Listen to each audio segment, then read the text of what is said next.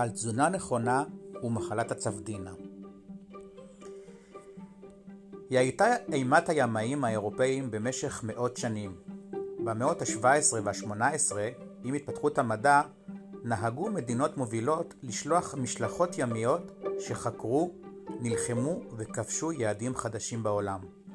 אך לאנשי הסיפון שהפליגו למעלה מכמה שבועות הייתה קללה קבועה, הלא היא מחלת הצפ... הצפדינה. או כמו שכינו אותה, מחלת המלכים. מעריכים כי במשך כ-300 שנה מגילוי אמריקה ועד תחילת המאה ה-19 גבתה הצפדינה את חייהם של קרוב לשני מיליון ימאים. בסופו של דבר, המחלה מוגרה כמעט לחלוטין, כשהתגלה שצריכת פירות אדר ופיר... ופירות טריים אחרים מונעת אותה. מדוע אתם שואלים זאת? כי מהמקור למחלת הצפדינה נובעת ממחסור בוויטמין C. והיא הייתה במשך שנים רבות אחת הסיבות העיקריות למוות במסורות הימיים. המחלה התחילה בחולשה ובעייפות, ולרוב אחרי חודש או חודשיים או שלושה חודשים מההפלגה, והתפתחה לקשיי נשימה, לכאבים בעצמות,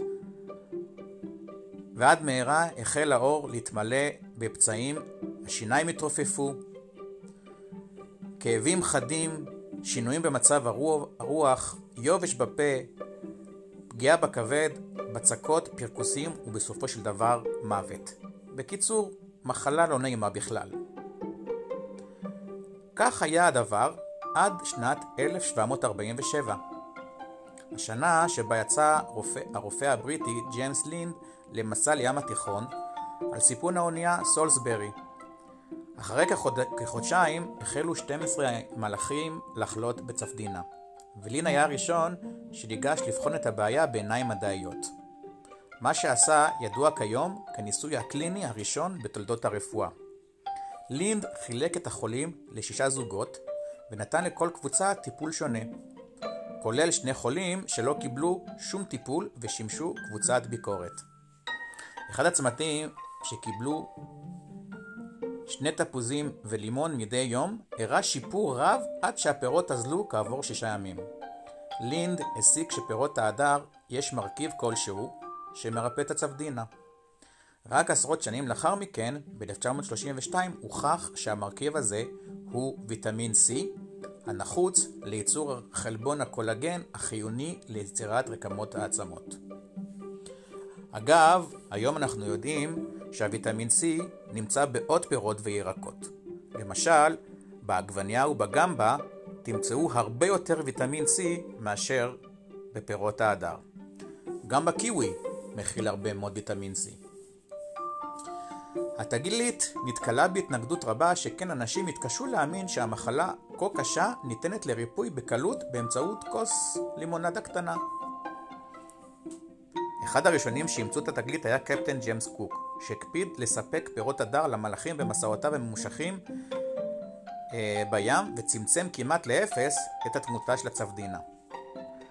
בשנות ה-90 של המאה ה-18 אימץ לבסוף גם הצי הבריטי מדיניות שחייבה כל ספינה לשאת מטען גדול של פירות, הדר או מיץ לימון, והשפיע כך לא רק על בריאות הימאים, אלא גם על הכלכלה של אי גדול בדרום איטליה, ששם היו עוצרים הימאים על מנת לה, אה, להצטייד בפירות טריים.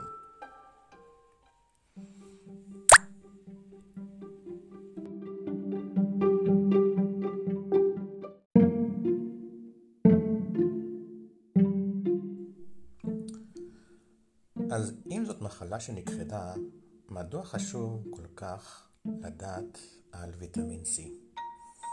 אז ראשית, אנחנו חיים בעולם המערבי, עולם של פאסט פוד וג'אנק פוד, ולצערנו הרב, כמות הוויטמין C שאנחנו אוכלים לא תמיד מספיקה.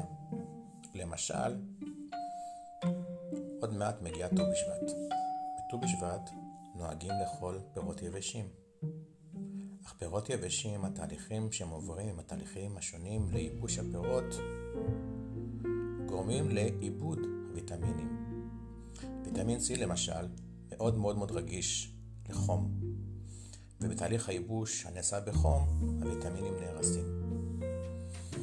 עוד התגלה שבמהפכה החקלאית, כתוצאה מכך שהגבירו את היבול של הפירות, זה בא על חשבון הוויטמינים. במחקר שעקב, מחקר השוואתי שעקב אחרי רמת הוויטמינים בפירות לפני כ-50-60 שנה, לעומת פירות היום, התברר שהפירות אז היו עשירים יותר בוויטמינים מאשר היום. מכיוון שבמהפכה החקלאית הגידול הרב יותר של הפירות בא על חשבון העושר של הוויטמינים. ולכן ניתן להבין מדוע יש חשש בקרב הרופאים לכך שאנשים רבים יותר יהיה להם מחסור בוויטמינים ואולי אף, אולי אף המחלה הזאת תחזור.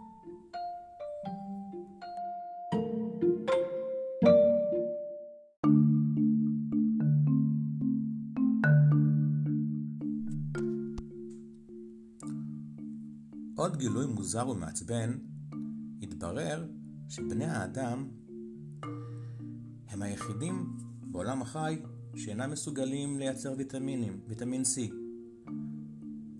שאר היונקים יכולים, הכלב, החתול, יכולים לייצר ויטמין C, ואנחנו לא יכולים.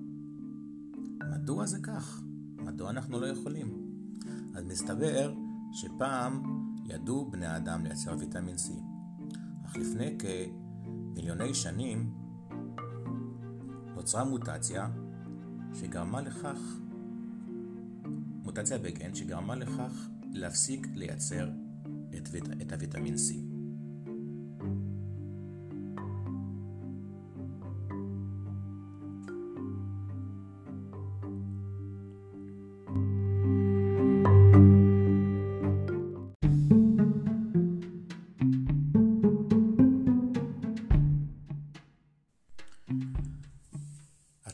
שואלים את עצמכם אז אולי בעתיד הקרוב, בעקבות הגילויים החדשים בהנדסה גנטית, נוכל להצליח לתקן את הגן הפגום ונוכל שוב פעם לייצר ויטמין C.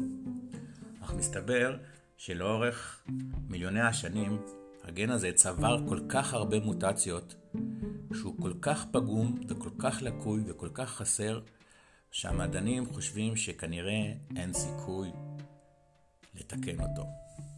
ולכן נצטרך להמשיך לצרוך ויטמין C באופן חיצוני, ולכן חשוב מאוד לשמור על תזונה נכונה ולאכול אוכל טרי ובריא.